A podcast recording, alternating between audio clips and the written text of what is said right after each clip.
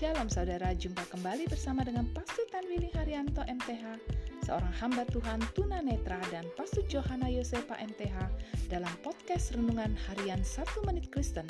Di dalam podcast ini, kami membagikan kebenaran dari Alkitab yang dimulai dari kitab kejadian sampai kitab wahyu.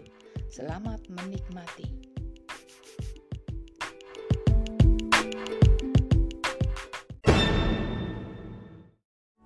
Shalom saudara-saudara yang sangat berharga di hati Tuhan. Firman Allah hari ini mau menasehati kita, milikilah sikap keterbukaan. Musa mendengarkan keterbukaan yang dilakukan oleh Allah dengan menceritakan rencana dan tindakan-tindakan yang akan ia lakukan untuk membebaskan orang Ibrani dari Mesir. Saudaraku, sadarilah bahwa sikap keterbukaan itu sangat penting kita harus membangun sikap keterbukaan dalam keluarga, dalam keluarga rohani, dan juga di dalam sebuah gereja.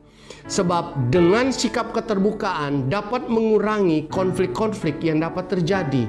Dengan sikap keterbukaan kita dapat saling memahami, saling mengampuni satu dengan yang lain. Mari kita membangun sikap keterbukaan di mana kita akan mengalami keberhasilan. Amin.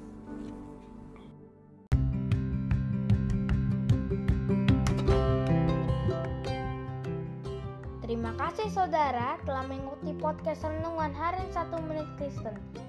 Doa kami kiranya kebenaran yang saudara terima akan membuat saudara semakin berakar di dalam Tuhan dan bertumbuh dan berbuah lebat di dalam Tuhan. Tuhan Yesus memberkati.